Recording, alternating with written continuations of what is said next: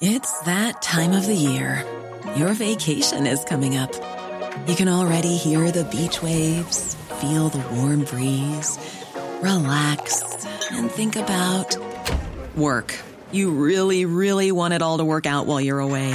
Monday.com gives you and the team that peace of mind. When all work is on one platform and everyone's in sync, things just flow wherever you are. Tap the banner to go to Monday.com.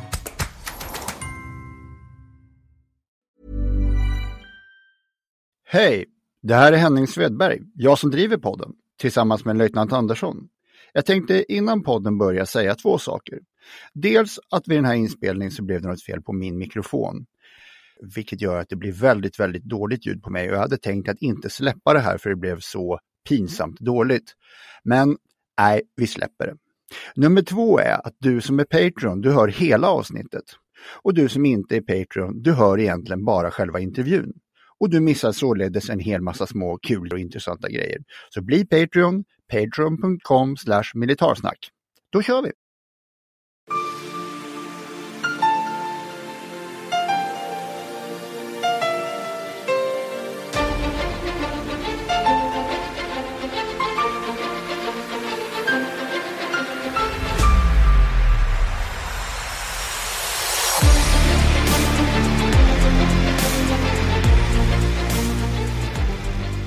Lyssnar på Militärsnack, podcasten där militära saker blir lätta att fatta.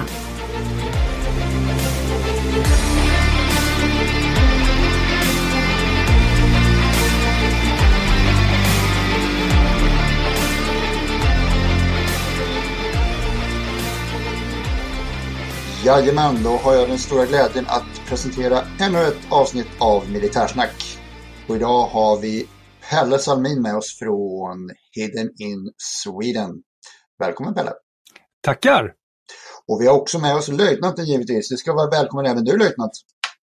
Tack så mycket, tack så mycket. Vi kör då alltså igång med en intervju igen och nu så ska vi ta och lyssna på en annan kreatör på internet som hörs och syns och kika lite på det spännande som finns i Sverige i både militärt och det är väl lite eh, industritekniskt också Pelle? Ja, det kan man väl säga. Det är en blandning, men i grund och botten kallas det för Urban Exploration, men med tyngdpunkt på militära rester kan man väl säga faktiskt. Det är väl därför det passar hos oss? Ja, det tror jag. Innan vi kör igång här så tänkte jag att Pelle faktiskt skulle få presentera sig själv lite. Vi har ju redan lyssnat på ölen här för de Ja. som har betalat och varit med som Patreon. Ni andra börjar att lyssna nu. Pelle, vem är du? Ja, hej! Pelle heter jag. Det har vi klarat av. Pelle Salmin. 51 år ifrån Åkersberga norr om Stockholm. Eh, sjukt jävla nyfiken. Och vapenvägrare kan man väl säga. Det är väl en kort presentation som kanske behövs pratas lite mer om här i avsnittet. Så att, men det är väl en kort, koncis förklaring om vem jag är. Eh, sen är det som så att jag driver den här eh, Youtube-kanalen Hidden in Sweden. Jag får inte ihop det här med vapenvägrare och militärintressen. Nu får du, det får du reda ut till att börja med.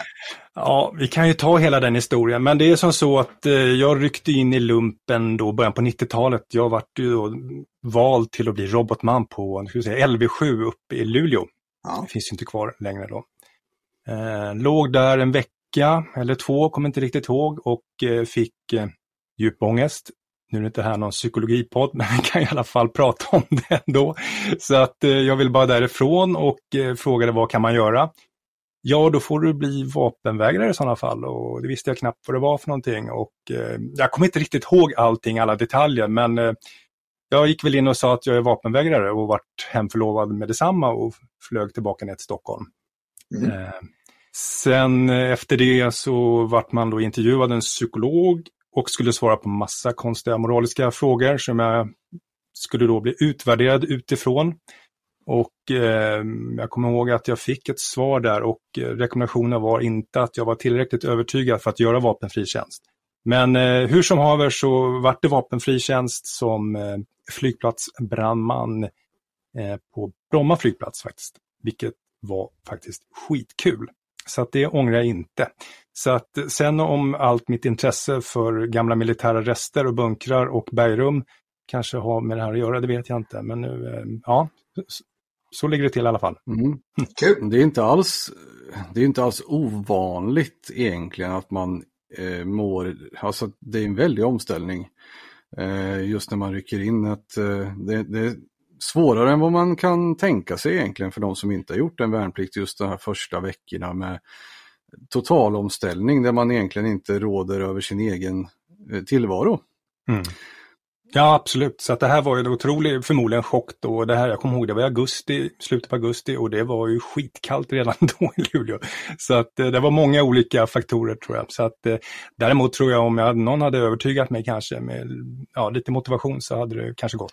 Vad vet jag. Mm. Oftast, oftast så gör det det. Men eh, det var ju väldigt glädjande att, att du fick göra civil, eh, att det var civilplikt istället då, så att säga, eller vapenfri tjänst och eh, eh, kunna bli krigsplacerad på... Det där återupptar man ju nu, igen. Det är ju tal om det i dagarna just, att eh, börja utbilda eh, för att eh, krigsplacera civilpliktiga. Och det är jättebra. Ja, absolut. Nej, men det var jättebra och det, det, var ju Luftfartsverket på den tiden då som fick många unga män då som, som brandmän. Då. Det försvann ju sen bara några år efteråt tror jag. Så att, det var sista svängen de hade gratis brandmän. Så att Ja, säga. precis. De är, de är ju väldigt anställningsbara, men det är ju egentligen inte tanken. För börjar du jobba inom räddningstjänsten så, så får du ju en, krigspla en krigsplacering i och med det. Så det, det fina är ju att ha en reserv så att säga. Det var vår före, vad heter han, Peter Hultqvist hade ju också, men var ju också Mm. vapenvägrare. Vi har ju till och med vi har ju såna här värnpliktskonsulenter och så som de, man kan prata med och, och så. Det är ju inte, Ja. det, det är ju väldigt många, jag, alltså, av 30 man så är det ju 20 som inte vill vara där första veckorna fast de trodde att de ville. Så är det. Ja, ja. Så är det. Mm. Ja, till din Youtube-kanal Pelle, hur kom det sig att du började köra med eh, började köra din Hidden in Sweden? Ja, man kan väl säga att det här var väl ett, en produkt av eh, Corona där. Jag hade lite tid över eh, våren 20 och kände att jag ville lära mig något nytt. Exempelvis då så vill jag lära mig Final Cut och jag hade lite inspelat sedan tidigare. Så att eh, investera i det programmet och eh, googla runt och titta mycket på Youtube-kanaler för att lära mig och hantera det programmet. Eh, och sen i, i och med det så vart det lite fler besök och lite mer redigering och kände att det var faktiskt jättekul att kunna klippa ihop någonting och eh, lägga på musik och, och få en schysst stämning och, och, och dela med sig till andra med, med, med samma intresse. Mm. Hur stort skulle du säga att det här är med Urban Exploring? Om jag nu sa, om jag nu Mm. sa rätt, eller var det Urban Exploration? Ja, det är samma sak. Nej, men det, man kan väl säga så här, historien, om vi kollar på den svenska scenen så Urban Exploring, det började väl faktiskt ungefär när Youtube började, ungefär 2005-2006 så var det som störst i, i Sverige och, och, och höll på ett antal år. Eh, sen har det intresset för Urban Exploring sakta sjunkit då sedan 2005. Eh, Men nu är det faktiskt en liten renässans igen, tycker jag märker runt om omkring dem. Så att i alla fall i Sverige. Sen har ju folk hållit på med det här i, i all evighet förmodligen. Så att, eh, men eh, nu syns det mycket mer på, på Youtube. Det finns flera svenska kanaler som visar mycket och såklart andra länders eh, har ju också egna Explorers som, som är rätt stora. Som, som också är naturligtvis väldigt intressant för mig att, att kolla på och bli inspirerad av. Kan man säga, alltså eh, vad är det som lockar? Är det, eller jag kan tänka mig att det finns olika fundament i det här som till exempel historiskt intresserade. Eh, eller att det är tilldragande att vara på en plats där ingen har varit på väldigt länge. Eh, det kanske finns någon som är arkitektoniskt eller intresserad av själva Mm. eh, Eller är, det helheten eller är det, finns det olika typer av intressen här? Ja, det gör det säkert. Jag är ingen militärhistoriker eller och kommer inte heller bli det, utan jag är mest fascinerad över infrastrukturen i, i konstruktionerna och eh, ja, där är väl min tyngdpunkt. Då. Sen är väl drivkraften bakom att producera program, det är att jag vill lära mig så mycket som möjligt om det jag har hittat och det som finns. Så att mycket research innan besöken och faktiskt ännu mer efter för att lära sig. Så att eh, drivkraften är ju framförallt att lära sig. Om man generaliserar då, när vi ändå liksom är inne på begreppet här för att och, och få en förståelse för vad det är. Är det, är det generellt sett under mark eller kan det vara andra typer av komplex också som är intressanta? Ja, nej, men för mig, jag har inga, utan man tar det man hittar så att säga. Nej, men det är såklart, allt under mark ju, har ju absolut en egen särprägel med, med, som är svår att komma ifrån. Men eh, det, ovan mark är också intressant tycker jag. Så att eh, det finns inga begränsningar där för mig utan eh, jag, jag, är inte så picky på objekt utan jag, jag, kan gå igång på en gammal varphög också i skogen. Så att, mm. Civila alltså byggnader som har med civilförsvar eller militärt försvar är ju givna men finns det någonting Finns det några andra kategorier här som vi kan som vi kan Ja, absolut. Nej, men jag var inne, gruvor, absolut, jätteintressant. Eh, det finns runt omkring oss, man behöver inte åka upp till Bergslagen eh, för att hitta gruvor utan det finns runt om i, norrort, norrort också faktiskt. Så att, eh, eh, hus, självklart gamla hus som, som står eh, övergivna är intressant. Det finns inte jätte, det finns självklart en del runt omkring oss här i Stockholm men det är mest på landsbygden. Man kan väl säga att gamla hus, det var ju egentligen där det började med min far kan man säga på 70-talet åkte omkring och kollade på gamla kåkar och gamla nedlagda fabriker och jag fick faktiskt följa med. Så att jag tror nog att där finns också en koppling till mitt intresse. Eh, på den tiden, 70-80-talet, i norra Stockholm fanns det mycket mer än vad det gör idag såklart. Så att, eh, men där, där finns en bakgrund också. Så att, nej, alltså jag tycker det mesta är intressant som, som är övergivet och eh, förbisett. Mm. Du, jag tänkte bara flika in här lite att du har ju faktiskt varit väldigt, väldigt nära mitt hem och gjort ett avsnitt. Ja, just det, precis. I... Eh, Krutfabriken i Rosersberg, eller Upplands Väsby. Ja, men precis. Så att, eh, det var ju faktiskt ett avsnitt eh, där det inte finns någonting att hitta faktiskt. Ytterst få bevis på, det finns någon, någon Facebook-inlägg i Upplands Väsby eh, sidan där, men annars är det tvärdött eh, på just den. Så att, eh, nej, men där finns det mycket kul att kolla runt omkring då. Så att, eh, eh, och där började det faktiskt med att eh, mycket av det här som jag är inne på är ju research. Man kollar mycket på kartor, det är både i NIR och det är hitta, kartbild, fornsök, satellitbilder, utländska satellitbilder och alla möjliga. Eh, och lägger man ihop de där så kan man hitta saker och tomtgränser och, och, och då kan man komma fram till en slutsats att det här kanske är värt att åka och kolla på, vilket jag gjorde. Så att och just krutfabriken, det finns inte jättemycket kvar där, men helt klart så ser man att det, att det har försiggått en verksamhet under många år som, som är bortglömd. Mm. Har du någon gång så att säga varit, varit först? Alltså det, det, det byggdes ju och har ju använts, i, men sen har det ju spärrats, blockerats. Men har du hittat någonting så att säga som ingen annan har hittat? Det tror jag faktiskt inte. Det är svårt att komma ihåg alla eh, objekt jag varit på. Jag har inte filmat allt heller, i och med att det här började egentligen för ett par år sedan. Sen har jag hållit på innan på fritiden och tittat och jag kommer faktiskt inte ihåg allting. Men nej, jag tror nog inte att eh, det, det, mesta är kanske inte jättekänt så, men eh, eh inga större egna upptäckter än så länge. Mm. Ja, men det är häftigt just med researchen där mm. att du, du lär dig väl, antar jag, att ett bergrum ligger oftast eh, ja, berget bör vara så här högt och det bör finnas eh, den här typen av terräng och sådana saker man kan titta på för att liksom räkna ut att eh, här kan det vara. Absolut, och jämföra kartor med varandra, då ser man ju saker som skiljer sig mm. mm. från varandra. Men framförallt höjdkurvor och sånt är ju intressant att titta på. Så att, Ja, det finns ju, finns ju vissa betingelser som jag vet, men de ska vi inte ta för det finns ju faktiskt bergrum som fortfarande används. Så. Absolut, och det ska vi vara jättetydliga med, utan vi tittar inte på någonting som är aktivt idag, utan det här gäller gamla saker som är Precis. preskriberat. Men jag kan ändå flika in där, för det, det har ju faktiskt hänt att eh, man har varit på, på ett ställe som har varit uttjänat och är avfört ifrån eh, avfört som ett hemligt ställe och eh, men kan på senare tid då användas igen. Vilket jag fick erfara. Eh, men då är det bara att ta bort avsnittet och, och, och göra som de säger. Mm. Du, eh, jag råkar veta att du var i Berlin och filmade någonstans där du inte fick filma.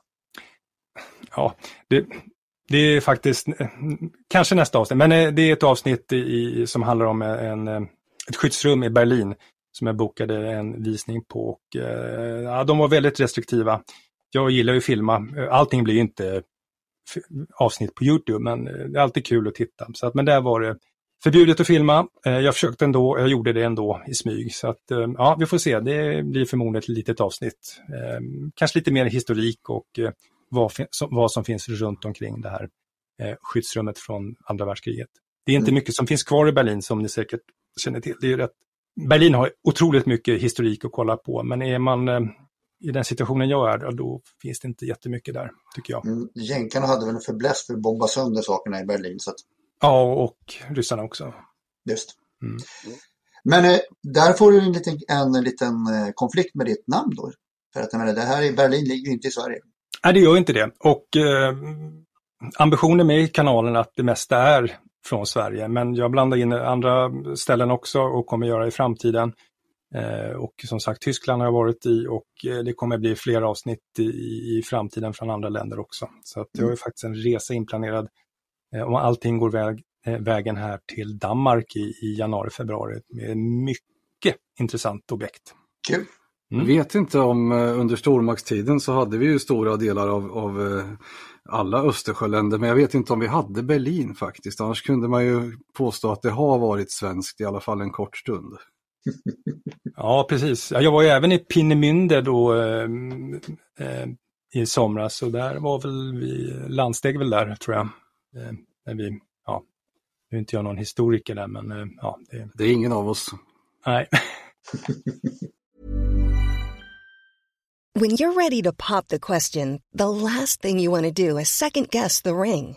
At BlueNile.com you can design a one-of-a-kind ring with the ease and convenience of shopping online. Choose your diamond and setting. When you find the one, you'll get it delivered right to your door. Go to Bluenile.com and use promo code LISTEN to get $50 off your purchase of $500 or more. That's code LISTEN at Bluenile.com for $50 off your purchase. Bluenile.com code LISTEN. There's never been a faster or easier way to start your weight loss journey than with PlushCare. PlushCare accepts most insurance plans and gives you online access to board certified physicians who can prescribe FDA approved weight loss medications like Wigovi and Zepbound for those who qualify. Take charge of your health and speak with a board certified physician about a weight loss plan that's right for you. Get started today at plushcare.com slash weight loss. That's plushcare.com slash weight loss. Plushcare.com slash weight loss. Mm. Ja, nej, men eh, du åker runt och hittar så massa olika ställen. Vad jag förstod av, vi pratade lite här innan, så är det som när du har ett ärende någon annanstans så åker du och tittar på saker. Det är inte så att du tar plånboken och öser för att åka iväg till någonting utan att du, har, du använder redan inslagen tid så att säga till att eh, åka och göra avsnitt? Ja, ja, både och kan man väl säga. Det är klart att eh, är jag på resa med, med, med familjen i Göteborg, ja, det är klart att då, då tar jag några timmar och åker iväg på en egen tur. Och eh, självklart så, så, utnyttjar jag den tiden när man är eh, på andra ställen. Så att, absolut, men sen naturligtvis åker jag eh, enbart till, till ställen som, som jag vill absolut besöka. Så att eh, ja, nej, men är, man lägger ner mycket tid och framförallt pengar på, på att se dessa ställen. Men väldigt spännande, nu har vi ju fått eh, en, en liten förståelse för vad det faktiskt är och ett intro och jag tänker närmast på en hobby som jag, jag har dykt väldigt mycket. Eh, och det handlar ju också om att se andra världar och se saker som kanske ingen annan har sett. Och det är ju väldigt, väldigt fascinerande just när man står ja, men du står på en strand någonstans i Maldiverna eller vad som helst och då ser du ju då ser du det som alla ser men sen får du även se någonting annat som en helt annan värld och det, det känns väl lite som det här är ju samma sak. Folk ser en skog men det finns någonting där som, som inte alla har sett. Absolut, ja, men det är ju självklart att man får en kick och, och krypa in i ett bergrum själv. Eh, och det är väl det, ja, det är väl den känslan man är ute efter och, och, och, vill åt för det mesta då. Och framförallt dokumentera händelsen och eh, ja, både känna eh, både mörkret och, och framförallt lukten och alla sinnen är ju på plats där inne. Så att eh, ja, det är, det är en häftig känsla att, att vara själv som, som många andra inte är. Så att, eh, men eh, förhoppningsvis så finns det andra som tycker det är kul att kolla på det jag gör. Så att, eh, och då är det kul att kunna förmedla det på, på bästa sätt genom Youtube-kanalen. Då med, jag försöker hålla en hög ambition på både videomaterialet och ljudkvaliteten. Mm. Mm. Det var det jag var med mitt lite flummiga dyk, eh, min referensen där, men jag, det var det jag var ute efter, känslan. Men jag, jag tror att jag kan förstå eh, konceptet. Ja.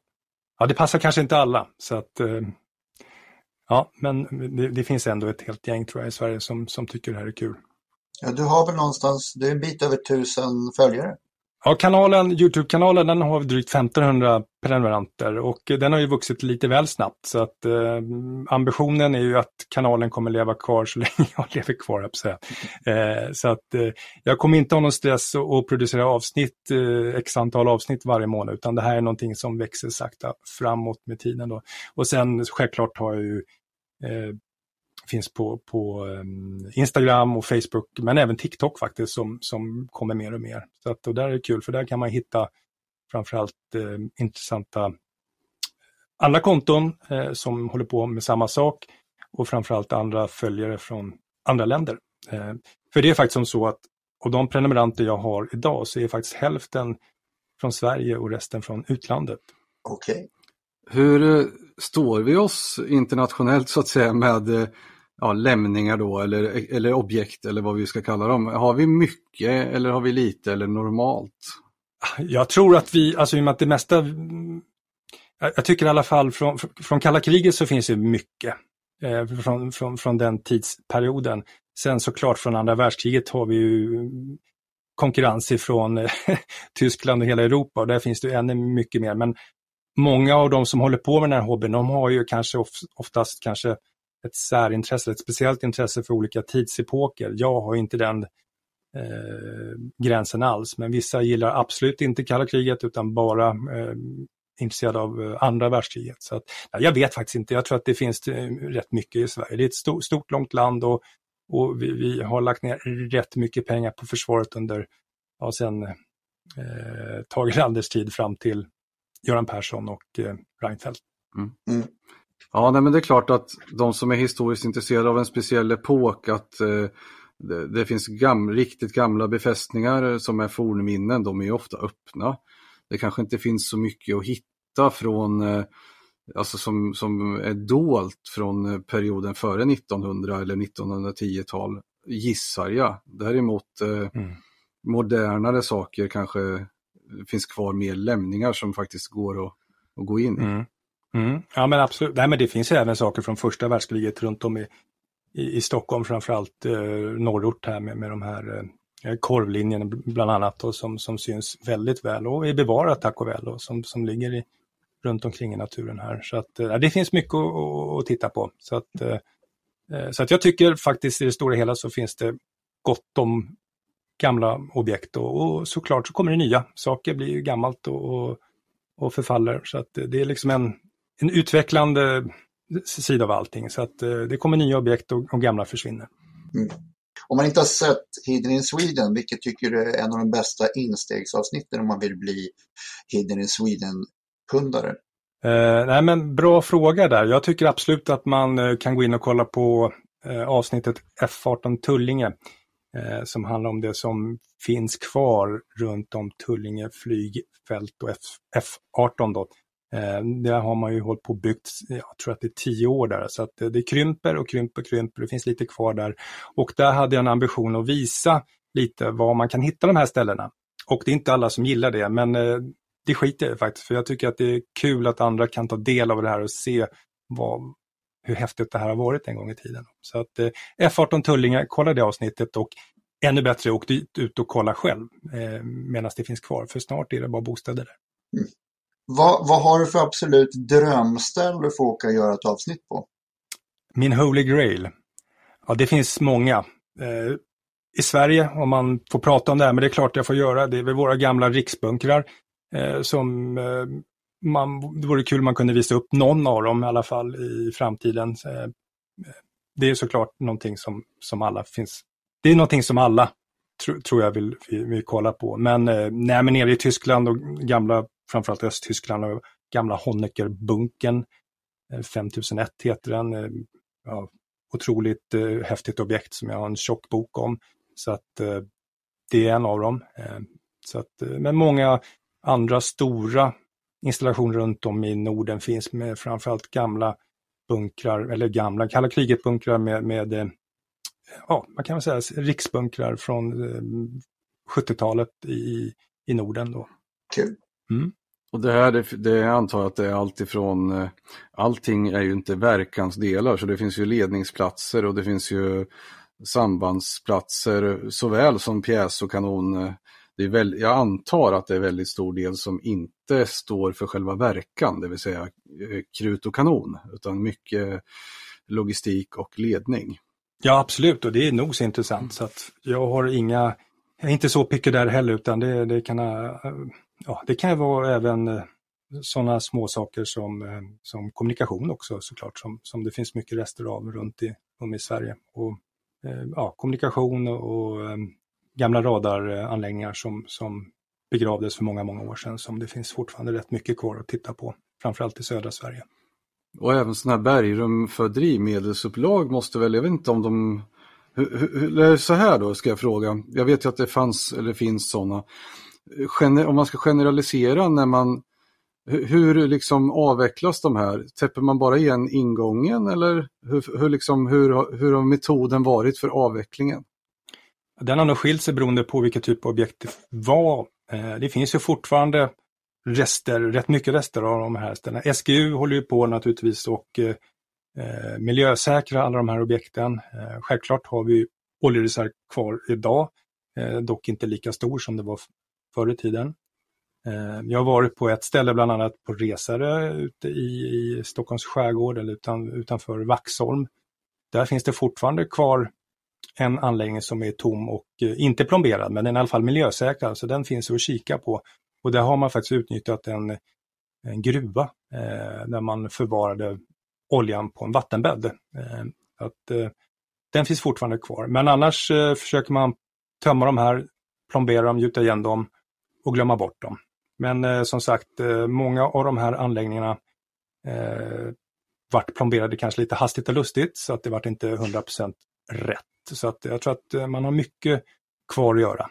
Eh, jag har faktiskt ett avsnitt som jag jobbar med eh, som handlar om eh, oljereservlagringar eh, i Åkersberga eh, i, där man hade eh, också gamla gruvor som, som man omvandlade till, till oljelagring för många år sedan på 50-talet. Och det var som så att eh, man visste ju självklart att det här var miljöfarligt verksamhet att förvara olja, så pass mycket olja eh, i, i bergrum då med allt vad det innebär. Men där var det faktiskt viktigaste att verkligen kunna ha ett oljelager. Så att där kom miljöaspekten i andra hand, eller i tredje hand till och med. Mm. Men är det samma sak, eh, man, man tänker om man av, när man avvecklar till exempel ett eh, Eh, som de inte borde ha gjort då, 1270 batterierna Ersta. Eh, pjäsgropar och sånt gjuter man ju antagligen igen fullständigt, men jag, för det är ju ganska små, men jag tänker stora, stora bergrum, då är det framförallt eh, luftschakt och sånt som de, som de la igen. De gjuter inte igen hela, hela rum. Nej, det är oftast ingångarna, självklart då att man gjuter igen med olika tjocklek. Eh, jag vill inte gå in på hur tjockt, men det, det är nog olika gjort. Och alla nödutgångar självklart. Eh, man har ju testat tror jag på, på olika ställen med eh, hur man då ville göra. Vissa har man bara, eh, man började med att bara gjuta igen alltihopa och lämna allting kvar inuti. Då. Det har man ju då på en del ställen fått göra om det och, och rensa och miljösäkra efteråt. Men oftast är det bara en, en, en plombering med betong. Och sen på många av de här ställena då som är bortglömda som inte går att kolla på eh, på grund av att de blir vattenfyllda då. Ja. Under åren. Just det, så när de var i drift så på sådana ställen med grundvattenproblem, då pumpade man kontinuerligt vatten då, antar jag?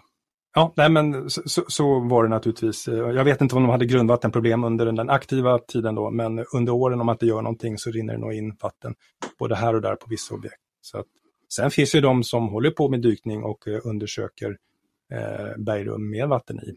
Eh, där är inte riktigt jag ännu. Nej. Mm. Men eh, du får gärna berätta lite om hur du gör med all research, hur du tar reda på vad som finns och eh, hur du gör, hur du tar reda på fakta om, om de ställen som, som du hittar. Absolut. Eh, det jag skulle rekommendera om andra är intresserade av det här, det är att läsa böcker. Eh, det finns mycket intressanta böcker ute och man behöver inte köpa alla heller, utan man kan låna dem på bibliotek. Eh, det finns många, eh, bland annat en liten bok som heter Stockholms glömda bunkrar om man bor i Stockholm eller vill besöka Stockholm. En guide där man har kartor och ja, ser allting, position och var man kan hitta de här. En annan intressant bok om framförallt kalla kriget, det är en bok som heter Om kriget kommer. Eh, en lite tjockare bok eh, som släpptes för några år sedan. Och där kan man faktiskt hitta en hel del saker som egentligen inte borde finnas i en bok. Så att, eh, ett tips där. Eh, och sen finns det ju ett eh, Fort och Bunker-förlaget då som ger ut väldigt mycket böcker kring det här temat. Eh, där skulle jag rekommendera en bok som heter Hemliga utflykter. Och den täcker i stort sett hela Sverige. Eh, där man kan, både museer och eh, gamla saker som, som kanske inte syns i första hand om man är ute och går i naturen. Eh, nej men absolut, böcker är jätteviktigt och jag tror att jag har faktiskt 14 böcker på stadsbiblioteket som väntar på mig att jag ska komma och, och, och hämta dem och, och, kolla på. Så att eh, böcker, internet, självklart. Eh, det finns mycket saker med hjälp av googling om man orkar. Alltså, man får googla i flera timmar och till slut så hittar man dokument, pdf-grejer som ligger kvar på grund av offentlighetsprincipen och så vidare. Eh, så att det går att hitta mycket om man lär sig de rätta sökorden och har eh, gott om tid så, så går det att få fram mycket den vägen. Mm. Och jag var inne på det, eh, självklart kartor, eh, där man kan se mycket, eh, framförallt gamla satellitfoton finns det att få tag på eh, och även nya, för då ser man lite skillnader i, i, i terrängen och eh, ja, man kan bekräfta. Men det gäller att, som sagt att, att lägga ner mycket tid. Så att... Spännande. Mm. Väldigt spännande. Ja, det är det. Nej, men det är kul. Och det är, som sagt, det, här, det finns ju folk som jobbar heltid med det här som, som eh, bara är ute och besöker objekt och reser runt hela världen och eh, lägger upp eh, på, på ja, Youtube. Så att jag är inte där utan jag har ett heltidsarbete utan det här är en hobbyverksamhet. Där jag gör på helger och kvällar och eh, semestrar och så vidare. Så att eh, ja, självklart så skulle man vilja hålla på med det här på heltid men eh, inte ännu. Mm, det är som med oss och podden. Ja, nej, men, det, nej, men det, det är klart, det, det, är en hobby och eh, det, finns, det finns mycket att upptäcka och det verkar finnas ett behov eh, från andra att titta på det man gör så att det är superkul. Det är ju roligt att se, det tycker jag. Jag tycker att det är en intressant eh, kanal på Youtube. Tack! Absolut, jag håller med. Har du någon, alla som har en hobby eller utövar någon idrott eller vad det nu än är, man har ju något speciellt minne. Eh, har du någon, något speciellt som du som du kan berätta om som du kommer ihåg särskilt att det här var, det här är svårt att toppa så att säga? Ja, det var väl egentligen för, jag skulle gissa, 15 år. Jag flyttade till Åkersberga för, ja, det var mer än 15 år sedan, det var säkert 20 år sedan där jag upptäckte att det fanns gruvor i kommunen. Mm helt otroligt att det fanns en gruva i norr om Stockholm, eller flera eh, dessutom. Eh, och efter ännu mer research så insåg jag att eh, det finns ju till och med 12 gruvor i Oxberga och runt omkring. Så att eh, varav två rätt stora gruvor faktiskt och eh, även med den här nya historiken som, som jag hittade då med just eh, beredskapslagring av olja. Eh, så att, eh, och det finns fortfarande mycket kvar att se där. Så att det var väl den största wow grejen att, att någonting finns så nära där jag bor. Så att, eh, och eh, ja, nej men det, det måste jag nästan säga att det, det var en, även ifall kanske inte det var det mest häftigaste stället så här eh, efteråt då, när man besökt många andra ställen, så, så känns det ändå som, som någonting som var en, en lite upplyftande eh, känsla. Det, fin det finns ju sannolikt någonting nära alla egentligen Eh, jag tänker på det du sa, gruvor, då har ju vi här kring där jag bor också en hel del eh, som bara är liksom inga stora man kan gå ner, vattenfyllda hål i skogen med staket runt. De kan man ju springa på, de har ju alltid en historia. Vissa är från 1600-tal och vissa från 1700 och så vidare.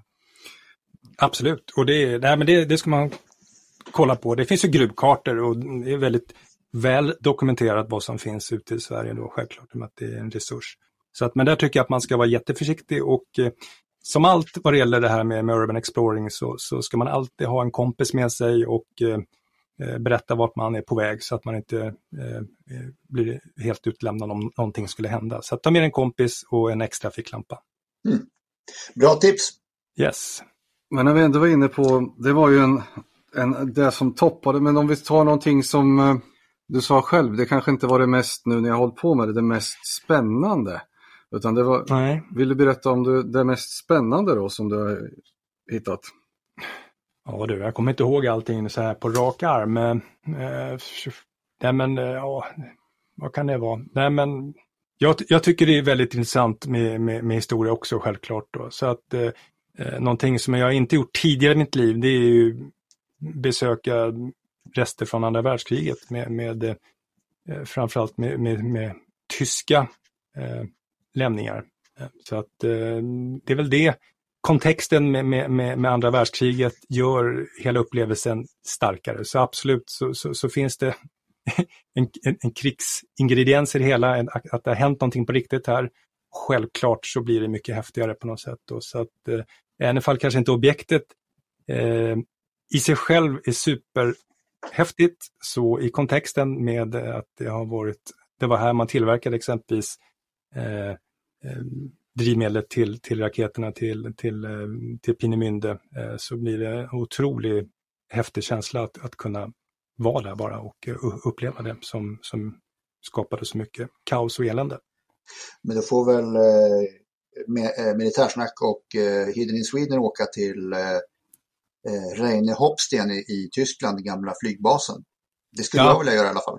Absolut, och eh, självklart så, så, sparar man eh, framtida objekt och jag vet inte hur mycket jag har runt Tyskland och Polen. Och, så att, eh, det, kan, det skulle nog säkert ta 10-15 år att besöka allt som finns. Så, mm. Ja, vi får göra ett avsnitt, eh, kombinerat podd och YouTube. Men det lovar vi inte, utan det var en, eh, en idé. Nej, men absolut, ni är jättevälkomna ut på, på, på, på ett besök någonstans. Så att, eh, det kan vi definitivt göra. Och just andra världskriget, det finns ju väldigt många ställen som är kända, men jag vet att eh, än idag kan man ju, det finns ju vissa Youtube-kanaler som de går med metallsökare och det handlar ju inte om att hitta så mycket bunkrar, men de hittar ju grejer fortfarande alltså. Metallskrot och hjälmar och ammunition och sådana saker än idag.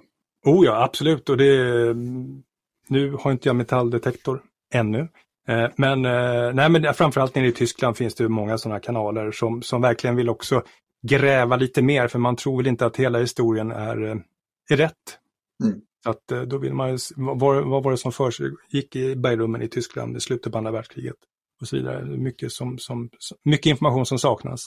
Men Pelle, om då någon sitter på nycklarna till något spännande, var vänder sig den personen för att få dig att komma dit med kameran? Ja men precis, det är kanalen som, ni, som vi alla vet om heter Hidden in Sweden och där finns det även en länk till, till min mail där. Så att det går bra att mejla mig. Jag vet inte om vi kan lägga ut den i, i beskrivningen till det här avsnittet, ja. podden också. Så att, eh, nej men absolut, alla tips är välkomna. Och tycker man inte, annars kan man ju mejla oss, vi kan ju förmedla också givetvis. Så att, ja. Det löser vi. Mm. Nej, men då tackar vi Pelle för att du har varit med i Militärsnack och pratat om din Hidden in Sweden. Ja, men tack så mycket för att jag fick komma. Man får väl en liten inblick eh, i, i, hur jag tänker och Hidden in Sweden är ju egentligen, det är jag och Pelle Salmin, så att det är egentligen bara en spegling av mig själv. kan man mm. säga. Det är inga hemligheter utan jag vill bara visa och förmedla eh, det jag upplever och hoppas inspirera andra självklart i, i det här och, och, och komma ut i naturen själva. Mm. Tack så mycket. Tackar. Tack så mycket. Hej då. Hej då. Hej då. Ja, hej. Ja, men det var jättekul att höra eh, Pelles berättelse om sin kanal. Det tycker jag. Och jag har ju tittat på några avsnitt och det har ju även du. Det var ju så vi kom på idén här att eh, vi måste ju höra av oss och se om vi kan eh, göra ett avsnitt i podden. Ja, och det har det vi gjort. Vi gjort. Mm. Ska vi med det tacka? Det ska vi göra. Mm. Vi tackar och eh, säger på återseende. Vi tackar och säger på återseende. Du får ha det så bra löjtnant. Och alla ni som lyssnar. Eller återhörande. Återhörande blir det. Ett återbruk av ljud. Så är det. Men nytt ljud dock. Ja. Tack så mycket. Hej då. Hej. hej.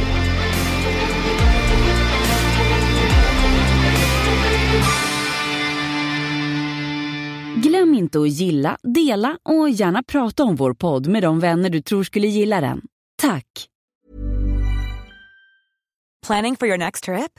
Elevate your travel style with Quince. Quince has all the jet setting essentials you'll want for your next getaway, like European linen, premium luggage options, buttery soft Italian leather bags, and so much more. And is all priced at 50 to 80% less than similar brands. Plus, Quince only works with factories that use safe and ethical manufacturing practices.